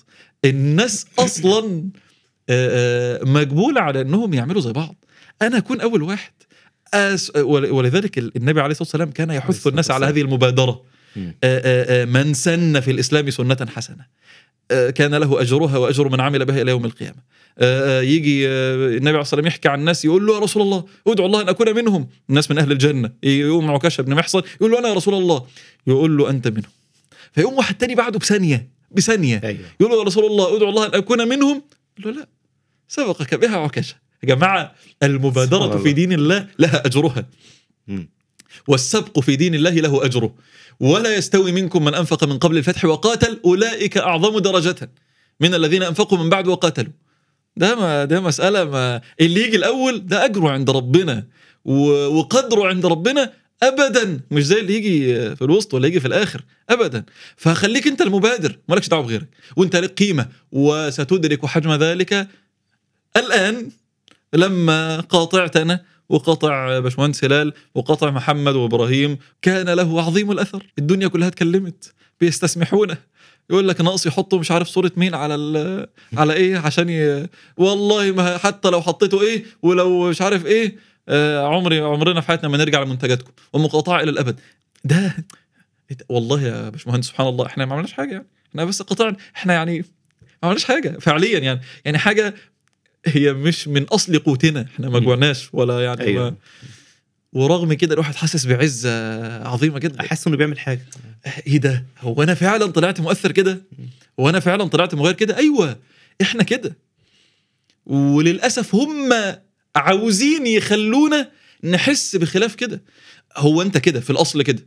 بس هو لما يحسسك إنك لأ ما لكش قيمة هتدنك طول عمرك ما لكش قيمه ما لكش قيمة. عارف أنت قصة الفيل الضخم جدا المربوط بحبل صغير خالص من وهو صغير فكبر كبر كبر لغاية ما بقى ضخم جدا. الحبل ده ما بقاش يعمل فيه حاجة بس هو واخد إن هو مربوط من صغره وحاول وهو صغير يعمل كده ما نفعتش معاه فاقتنع بقى إن هو لا لا خلاص أنا هعمل إيه ولا إيه؟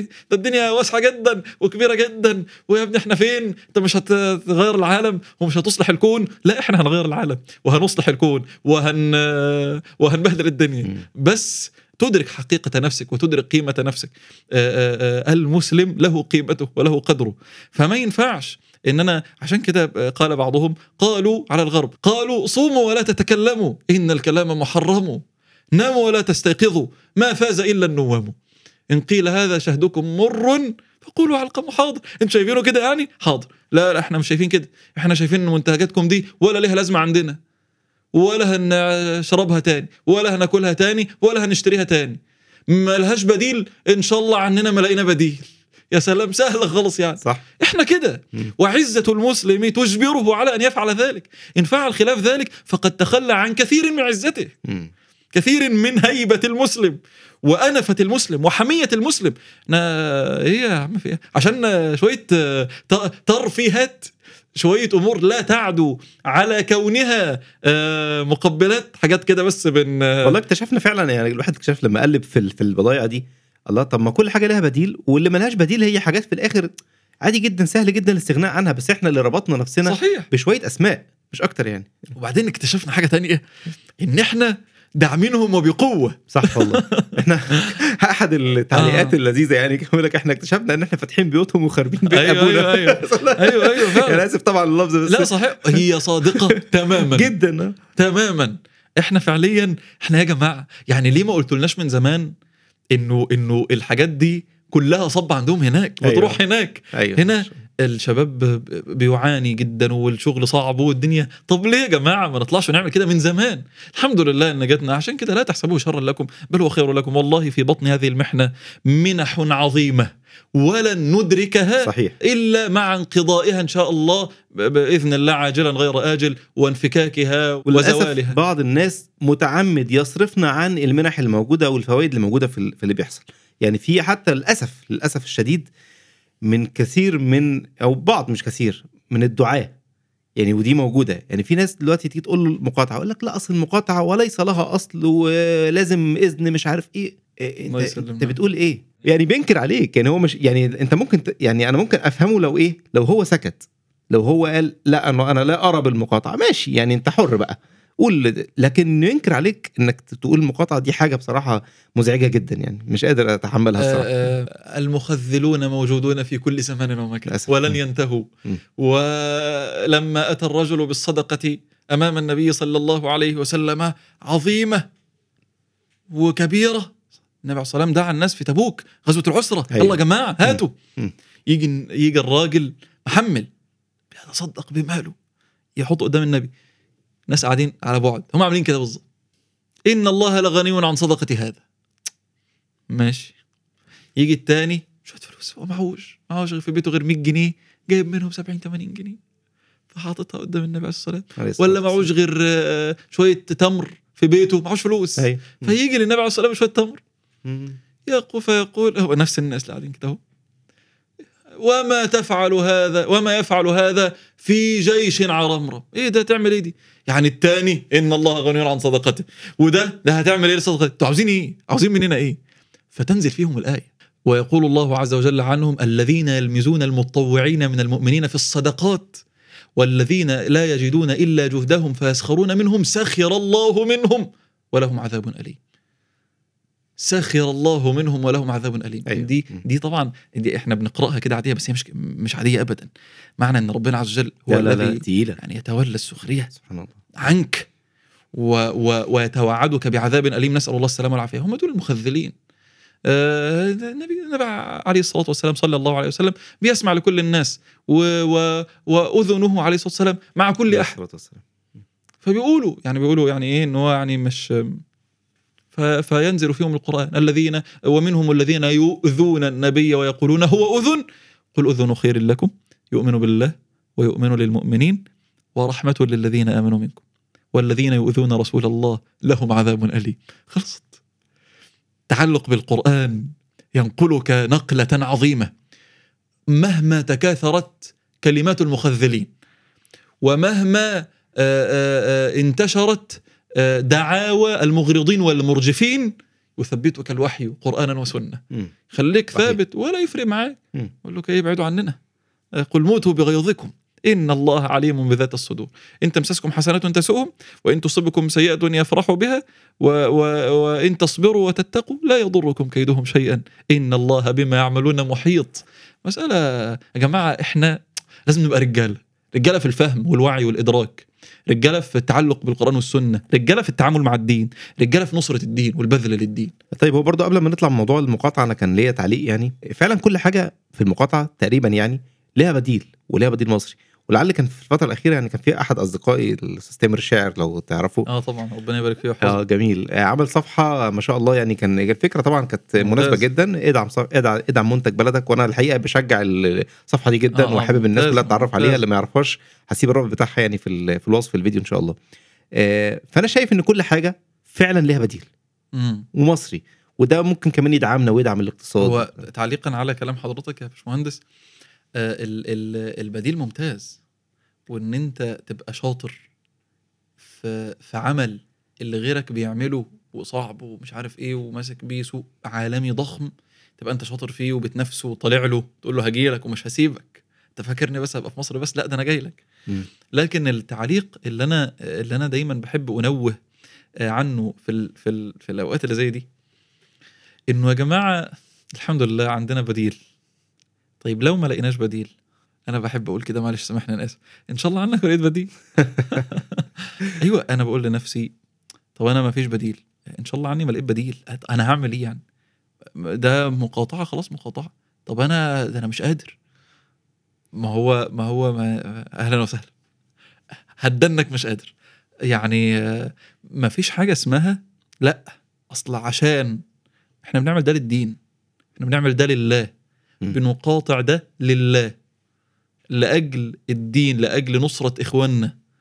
فما ينفعش نكون يعني هم هناك يعني لا يجدون طعاما ولا شرابا وي- ويموتون جوعا وعطشا. وإحنا عمالين نقول طب إيه البديل يا جماعة؟ وفروا لنا البديل مفيش بديل. مفيش مشكلة. ده ما فيهوش مشكلة. ما بتكلمش عن ده. جميل إنك تلاقي بديل. بس ما ينفعش يبقى كل همك منصب على ده. لقينا بديل له أهلا وسهلا. زي العسل. جميل. أيوة طبعا. ما لقيناش بديل. مش مهم نلاقي بديل لأن إحنا بنتكلم دلوقتي في بدائل للمباحات. لو أنت مشيت على نفس المنهج ونفس الفلسفة ونفس المنطق ده هيتحول معاك الأمر البدائل المحرمات أحيانا.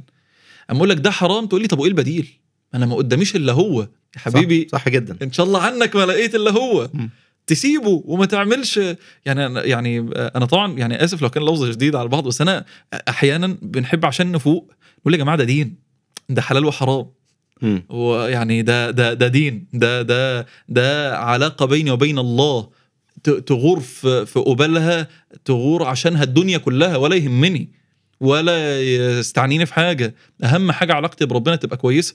فتيجي تنهى مثلا عن الفرح المحرم أو المختلط يقول لك طب أنا مش قدامي اللي هو أنا هعمل إيه؟ مفيش. أه، مش مهم. خلاص مش ده حرام. أيوه حرام خلاص. يا جماعة لازم نتعامل مع الدين برجولة. هنرجع تاني لنفس النقطة. بقوة بجدية. ما ينفعش. أما أقول لك ده حرام يا جماعة حرام ده معناها جنة ونار. معناها ربنا أنت عاوز ربنا ولا مش عاوز ربنا؟ معناه انت انت انت معناه انت بتبيع دنيا بآخرة ولا بتبيع آخرة بدنيا؟ معناه إيه؟ انت عاوز إيه؟ مم. عشان حرام أيوه ما هو حرام جنب حرام جنب حرام هيبقى في نار. نسأل الله السلامة والعافية. آه، يعني يا جماعة لازم نفوق لازم ناخد الدين بجدية. إنه لقول فصل وما هو بالهزل. لما تيجي نق- نقول للشباب يا شباب فوقوا واعرفوا إن ال fun day اللي بيتعمل حرام. ما قدمناش إلا هو. إن ال graduation party اللي بتتعمل في الآخر بيبقى فيها موسيقى و و واختلاط و و و. حرام يا جماعة ما تنفعش. ما. تنفعش. ده ده جنة ونار. ده ده عاوز ربنا ولا مش عاوز ربنا؟ عاوز دنيا ولا عاوز آخرة؟ ما أنا ما قداميش إلا هو. خلاص يبقى تسيبه خالص. لازم يبقى عندنا المفهوم ده.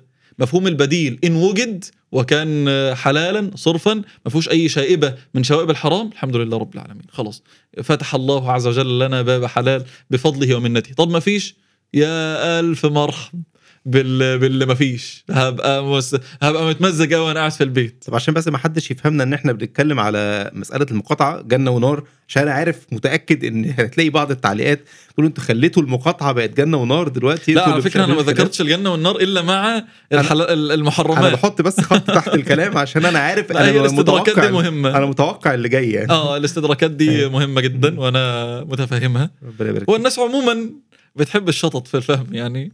لكن لا في ناس فعلا ممكن تفهم الكلام على انت آه تقول لي جنة ونار اذا المقاطعة يبقى انت بتقول المقاطعه واجبة بقى. يعني أنا واجب عليا. ما بنقولش المقاطعة واجبة ولا بنقول بنتكلم في حكم صحيح. دلوقتي إحنا بنتكلم في لا مفهوم لا النصرة ال- ال- بشكل عام وأنت- الاستدراكات الاستدراكات مهمة جدا فعلا أيوة. إحنا بنقول يا جماعة المقاطعة دي مؤثرة جدا زي ما إحنا بينا. واللي له بدايل جميل جدا وممتاز اللي ملوش بدايل آه ننتظر لغاية ما ربنا عز وجل يمن على واحد من الناس ولا ننشط إحنا يمكن نعمل بديل حاجة معينة كده يا باشمهندس هلال ونفتح ونتكسب ربنا يفتح علينا ربنا يرزقنا من الخير. الدنيا والاخره آه، أما في الحرام لا يا جماعة طب أنا مش هلاقي أتجوز مش هعرف أسيب البنت اللي لا لازم تسيبها. طب أعمل إيه؟ تقعد في بيتك وتتقي الله عز وجل وتكف الناس من شرك وأذاك وتسأل الله السلامة والعافية والمغفرة لذنوبك التي مضت. بس كده. طيب كذا حرام. طب هعمل إيه؟ ما أنا ولا فيش الا هو لا عملك ده محرم. طب أنا ما فيش بديل. لا سيبه طبعا يعني بعد استفتاء أهل العلم ال- ال- الصالحين الأتقياء ذوي الديانة والعلم آه، لو خلاص حرام يبقى تسيبه. والله عز وجل يفتح من فضله. ومن يتق الله يجعل له مخرجا ويرزقه من حيث لا يحتسب. فمسألة البديل وإن أنت تعلق نفسك بيها ده نوع من ال- الهشاشة النفسية شوية. طرف شوية يعني. آه يعني آه، يا جماعة لا يعني ده كلها زي ما كنا بنقول مقبلات يعني كل الحاجات صحيح. اللي مقاطعه آه، ك- يعني حاجات لو سبناها طول عمرنا مش هنحس بيها خالص خالص. أيوة. يعني أظن ليس فيها شيء من الأساسيات إلا النادر جدا والقليل جدا ده إن وجد يعني. أيوة. لكن في المجمل حاجات بس عشان إحنا تعودنا نعملها من سنين فإحنا مش عارفين نسيبها. فإحنا محتاجين نعود نفسنا على القوة النفسية والصلابة النفسية دي. إنه يا جماعة دي آه، مع السلامة. الله المستعان. الله يجعلنا من الصالحين. يعني حتة آه، الهشاشة النفسية بمناسبة حتى اللفظ ده يمكن أول واحد استعمله استعمال صريح هو كان دكتور إسماعيل اللي عرفه صاحب الكتاب الهشاشه النفسيه. يمكن ده الكتاب الأول في بابه يعني أنا ما أعرفش كتاب الله أنا ما أعرفش حاجة اتكلمت في في المفهوم ده زي ما هو كده غير هو ده أول كتاب يعني. آه، أنا قريت له حاجة مؤخرا بعد الأحداث يعني بيتكلم إن آه، أنا حاسس دلوقتي من اللي أنا شايفه من الشباب إن الكتاب أصبح ملوش ملوش مكان ملوش داعي يعني مفيش مع... مفيش داعي إن إحنا نقعد نتكلم في ال... في الهشاشة النفسية. تتفق معاه شايف ال... ال- الوضع العام إن الشباب دلوقتي أصبح يعني بقى ده مين اللي بيقول كده؟ هو اللي بيقول كده؟ هو كاتب الكتاب يعني هو كان بيتكلم على الموضوع ده. إيه ده؟ آه يعني آه، بيقول لك إن لا آه. دي خلاص أنا دلوقتي مش هقعد أتكلم بقى في مش هكلمكم في كتاب الهشاشة النفسية. أنا هكلمكم دلوقتي في اللي أنا شايفه من الشباب من ال... من الهمة اللي شفتها اليومين دول يعني. فتتفق معاه في ال... في, إن دي يعني ممكن تكون ممتاز. حاجة كويسه يعني حاجة ظاهرة ولا هو يقول لنا على بيئته اللي مليانة بالهمة العاليه عشان نروح. مش مش في مصر مبدئيا. ربنا يحفظه ويرضى عنه وينفع بيه. لكن آه، لا هو الهشاشة النفسية عموما آه، حتى أنا كنت لسه بتكلم قريب مع شباب لا إحنا يعني إحنا يعني آه، مليانين هشاشة للأسف بسبب شدة الترف بتاع زماننا ده يعني. ما بنقدرش نتحمل حاجة صعبة. حتى أنا لما بقعد أكلم الشباب بقول لهم يا شباب مهم. مش عارف دي يعني ده على هامش الحوار بس مهم يعني. م- مهم إن إحنا نبقى يبقى عندنا خشونة حتى من غير أي حاجة من غير بقى لا, لا مقاطعة ولا مم. ولا الأحداث ال- الجارية بالمسلمين. أسأل الله أن ينجي المسلمين في آمين. في في الأرض آه، جميعا. آه، لكن مهم جدا إن إحنا يبقى عندنا نوع من الخشونة. إزاي نوع من الخشونة؟ النبي عليه الصلاة والسلام كان آه، يأمرهم أن يحتفوا أحيانا. الرجالة. مهمه جدا من الشباب دلوقتي إن هم يبقوا رجالة. رجالة إزاي؟ يتعلموا الرجولة. ما يتصرفوش تصرف النساء ما يتكلموش زي النساء ما يتعاملوش زي النساء. عندهم خشونة عندهم تحمل. يبقى عندهم قوة في الكلام. وقوه في الشخصيه وتحمل للمصاعب ايا ايا كانت هي إيه. الولد أحيانا بيروح بيشتكي إن هو مش عارف يدير حوار يعني بعض البنات يعني بتشتكي من الخاطب اللي جاي لها ومش عارف يدير مش عارف يتكلم. بقى بقى الشباب ما عندوش نوع من من الخشونة والجدية دي. إنه إنه مش مش خشن مش يعني مش عاوز مش راجل يعني بس الخشونة دي مهمة. سيدنا عمر كان يقول للناس يا اخشوشنوا عباد الله فإن النعمة لا تدوم. ده أنا أنا عاوز أقول لك إن في حاجة في الدين اسمها إنك لما تشوف إن ربنا عز وجل موسع عليك كده تخشنها أنت على نفسك عشان تحس بنعمة ربنا. ده من باب إنك تحس بنعمة ربنا ده مش فرض ولا حاجة. بس سيدنا عمر كان بيأمر الناس بده ويقول لهم اخشوشنوا عباد الله. فإن النعمة لا تدوم. آه، آه، اخشنا كده شوية. وانت إيه قاعد تحت التكييف ما بتقدرش تعتكف في المسجد على ال- ال- المس- المسجد الفقير ال- اللي على قد حاله اللي حماماته يعني مش زي حمامات البيت واللي دنيته ما فيهوش تكييف يا دوبك في مروحة واحدة على ناس كتير نايمة وعلى الأرض مش قادر. ومتأفف. لا يعني يعني انشف. آه، آه، آه، آه، اتعلم إنك تتحمل مسؤولية. في أيام أنت مش هتعرف تنام فيها من كتر الهم تحمل. في أيام أنت مش هتعرف تبقى تطيق حد فيها من كتر ما أنت عليك ضغوطات ومشاكل. تحمل. وطيق لازم تطيق لازم تدخل على زوجتك وأهلك وأنت منشرح النفس. آه، طيب البال. وما في صدرك في صدرك. لازم نتعلم ده. يعني. الشباب دلوقتي بالذات شباب خصوصا الرجالة لازم يتعلموا ال- النشفان الخشونة. إن هم انزل مرة صلي الفجر في المسجد بدون حذاء. أيوه بدون حذاء. أنا كنت لما كنت في مهجورة. في الم... أيوه في المدينة الجامعية لما كان يبقى معانا شباب أحيانا وبيحبوني بقى ويعني نقعد مع بعض ومش عارف إيه. فكان في شباب جايين من من بيت أهاليهم هم يعني إيه جاي من بيت يعني كده أنت عارف أنت. يعني. لا بسيط إيه؟ آه آه جدا. آه آه آه. آه الدنيا إيه؟ آه حلوة. هو بيدخل يلاقي الأكل على سريره والدنيا مش عارف إيه والتكييف ظابط إزاي وكده. فجاي صدم. آه حالة خلاف الحال. فهو ما زال برضه بيحافظ على إيه؟ وما يشربش غير المية ال- كذا يشتريها من بره وكده. حالة يعني. مم. فكنا أحيانا نقول لهم يا جماعة إحنا عاوزين نطبق آه، سنة. النبي عليه الصلاة والسلام كان يأمر الصحابة بها أحيانا. الحديث كده. وكان يأمرنا فنحتفي أحيانا. فنقول لهم إيه رأيكم؟ ننزل آه، آه، حافيين لصلاة الفجر. فيقولوا لي آه، صعبه جدا مستحيل عمرنا في حياتنا مشينا حافيين. نقول لهم لا فعليا والله يا باشمهندس كان لها عظيم الأثر هي وغيرها من السنن بقى. ولا يا جماعة يلا ننشف مش هناكل مثلا مش هناكل من بره لمدة شهر. آه، آه، هنمنع نفسنا. إحنا بنحب إيه؟ هنمنع نفسنا عن حاجة معينة. أنت بتربي نفسك. أنت بت آه، بتخشوشن. أنت بتنشف شوية فده خرج بفضل الله بفضل الله كانوا آه، وخرج بقى واحد مش إيه مش آه، مش زي ما يعني الشكاية اللي بتيجي من كثير من الشباب مش ابن مش ابن مامته يعني. اللي هو إيه واحد بيتحمل المسؤولية. واحد ناشف. مش تافه. بعض ال بعض ال ال البنات مثلا يجي لهم شاب هي مشكلته وده مشكلة خطيرة. إحنا بنتكلم عن التفاهة. مشكلته إنه تافه. ملوش ملوش هدف ملوش طموح. لا سيما الهدف الأعظم في الدنيا إن هو يدخل الجنة و- وده أعظم فبيشتغل له أعظم شغل وهو ده أولى أولوية في حياته. أو إن هو يبقى له شغل دنيوي فهو طموح فيه. عاوز يكبر عاوز كذا من غير أن يطغى على أعماله الأخروية وأعماله المتعلقة به بالله عز وجل وبعلاقته مع الله. فدي بس نقطة على الهامش كده يعني مش عارف هتناسب موضوعنا ولا لأ. لا هي لكن- يعني يعتبر خلصنا موضوعنا نسبيا بس يعني في شوية استدراكات بقى أو حاجات في الآخر يعني مواضيع طب متعلقه أقول لك على أقول لك على حاجة أقول لك مم. على على- يعني برضه على هامش الموضوع ما دام إيه ما دام اتكلمنا عنه. كلمة المنتشره عند الشباب دلوقتي كلمة غريبة يعني. وهي ليس لها ليس لها في الدين أصل ولا في العقل أصل ولا في الفطرة أصل. مسألة أنا فاقد الشغف. آه، مش آه، مش قادر أشتغل. جديدة. إيه ده؟ هو من إمتى أصلا؟ إحنا لسه كنا بنقول آه، اقسمت يا شغفك نفس لا تكلى و- لتنزلن أيوه آه. لتنزلن أو لتكرهن أيوه. آه، إيه إيه حقق شغفك ولازم يبقى فيه. مفيش حاجة يا حبيبي مفيش حاجة اسمها شغف. في حاجة اسمها إنك آه، تجبر نفسك. والنفس ينبغي أن تجبر على ما تكره. من من الأمور النافعة في الدنيا والدين. لو ما أكرهتش على الأمور النافعة في الدنيا والدين أنت هتروح في في في في حتت صعبة يعني. لازم أنت تجبر نفسك وتحمل نفسك على على ال- الصالحات والأمور النافعة. إني لاكره الرجل. قولة عمر بن الخطاب رضي الله عنه وهي في أصل باب التفاهة. قال إني لاكره الرجل يمشي سبهللا لا في أمر دنيا ولا في أمر آخرة.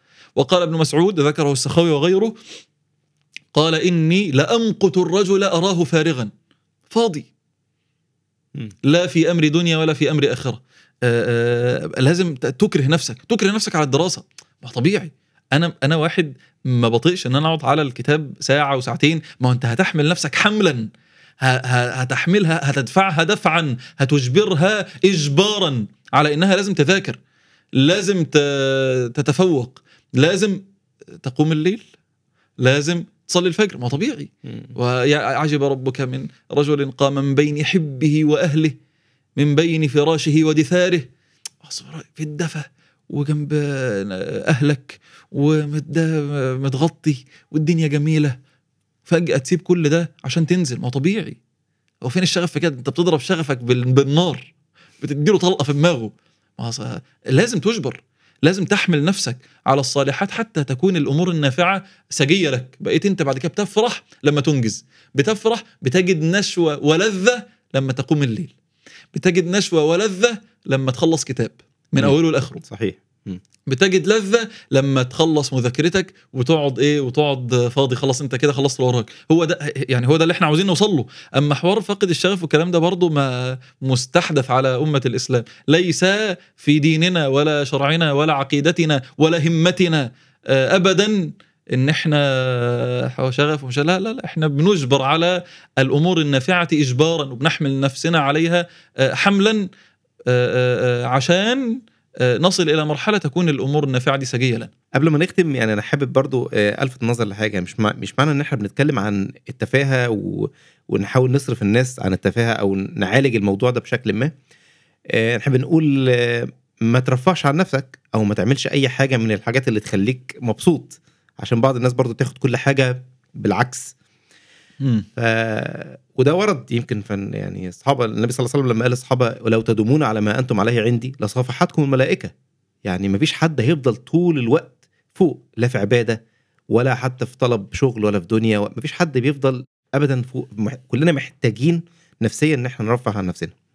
فالفرق ما بين ال... لو حابين نحط التفاهة مقابل الترفيه اللي هو الشيء التوسط في الأمر يعني. آه، ده هذا أمر لا بد منه.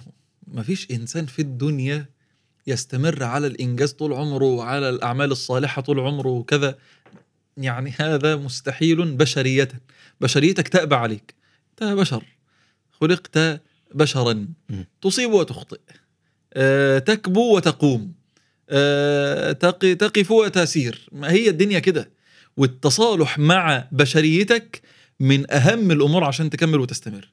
إنه أنت كلما عرض لك عارض وقفت ولا عمرك هتنجز شيء لا من أمور الدنيا ولا من أمور الآخرة النفس بتتعب والقلب بيتعب مهما كان مهما كان أنت منطلق في العبادة وفي الطاعة وحافظ القرآن ومش عارف إيه وليك ورد وليك حال في في لكل عامل شره شره يعني شداد وقوة وحماس ولكل شره فترة لازم الفترة دي يعني فتور يعني راح مم. يعني هدوء. فمن كانت فترته إلى سنتي فقد اهتدى ومن كانت فترته إلى غير ذلك فقد هلك. مسألة الترفيه والراحة وكذا مهمة جدا. إيه- والذي نفسي بيده إن القلوب لتتعب كما تتعب الأبدان. كلام علي بن أبي طالب سيدنا علي بن أبي طالب.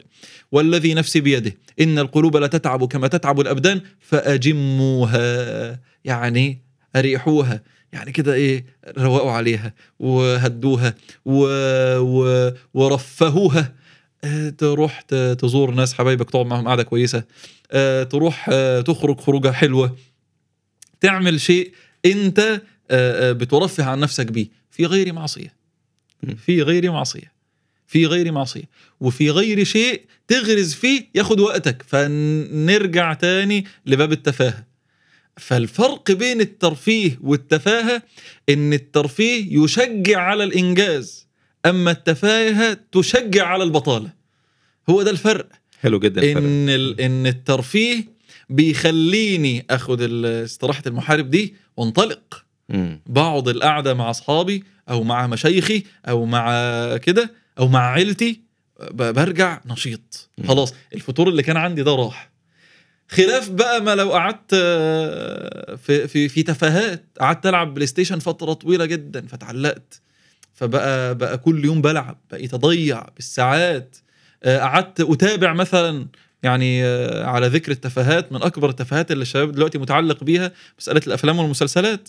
والقصص اللي بتبقى متواصلة ومستمرة وطويلة جدا. فتعلق نفسك فتفضل معلق نفسك اياما وليالي بتتابع ساعات من المسلسل ليلا ونهارا. إحنا كده دخلنا في باب التفاهة. لكن باب الترفيه لا باب الترفيه باب مختلف. أنت بتريح عشان تنطلق. بتاخد نفسك عشان تكمل. التفاهة بتكمل لك إنجازك بطالة. بتكمل لك شغلك عطلة. هو ده الفرق. مم. أنت بتر... آه لازم ترفع عن نفسك. ما ينفعش. لكن المشكلة إنك تتحول من واحد كان بينجز وكذا تتابع ماتش فتتابع التعليق اللي على الماتش فتتابع بعد كده الاستوديو التحليلي وبعد كده تدخل تشوف الناس قالوا إيه على ال social media وبعدين بعد ما الناس قالوا إيه تتعصب أنت وتكتب رأيك فالناس يخلفوك فتدافع أنت باستماتة فأنت فتشتعل في نفسك روح التعصب وتبقى أنت الكورة دي بالنسبة لك حياتك. لا يا حبيبي اتفرج على الماتش. وكل سنة وأنت طيب. خلاص خلصنا. الماتش خلص. اقفل. ايا يكن مين اللي كسب. ومين اللي خسر عشان ما تأثرش على نفسك وما تقعدش في البيت وما تحرقش دمك. ما هو ما ينفعش. لو الماتش ده يخليك تقعد عن العمل ما تعملوش ما ترفهش على نفسك بيه. أيوه. فهي الضابط والحد والتعريف المهم جدا إنه الترفيه بيخلينا أكمل. أما التفاهة بتخليني أقف. هو ده الفرق. التفا... التفاهات بتاخد من وقتي وجهدي وعقلي وتفكيري وتشتتني. الترفيه لأ. الترفيه بيخليني أهدى. أستعيد كده مجهودي وقوتي ونشاطي واكمل هو ده الفرق. الله يجعلنا من الصالحين. اللهم آمين. ربنا يبارك فيك يا رب حابب تختم بحاجة قبل ما ن... أنا مش عارف آه، يعني أنا حاسس إن أنا طولت عليك أنا آسف لا والله الحلقة جاية أنا و- أصلا ما حسيتش بالوقت معاك يعني ما شاء الله ربنا. يبارك فيك يا رب الله يرضى عنك وما يحرمناش منك يعني. التوفيق إن شاء الله يكون من لنا لقاءات أخرى يعني من شاء يعني أكيد ده. مش اخر مش آخر مرة بإذن الله بإذن الله عز وجل. وأنا والله سعيد برؤياك ربنا يحفظك هذه أول. مرة أراك فيها ربنا يبارك الله أن. تكون آخر مرة إن شاء الله وأسأل الله أن يعني يديم ودنا آمين. وأن يعني يجعلنا إخوانا على سر متقابلين اللهم يرزقنا بهذا الود ظله في يوم لا في يوم لا ظل إلا ظله. آمين. وأن يجعل مكانك هذا منارة للناس. آمين. وأن آمين. يديم لك التوفيق والفتح اللهم. والقبول. وأن يرزقك الصدق والإخلاص. آمين. وأن يصرف عنك أذى الناس وأذى نفسك. آمين. آمين. آمين. وصل اللهم وسلم وبارك على النبي محمد يا جماعة الناس اللي بتسمع يا. جماعة تأمنوا يعني دي دعوة ليا مخصوص فيعني حبيبي ربنا ربنا. يحفظك ويفتح عليك. ربنا يفتح عليك. حبيبي يا رب آمين سبحانك اللهم. وبحمدك نشهد أن لا إله إلا أنت نستغفرك ونتوب إليك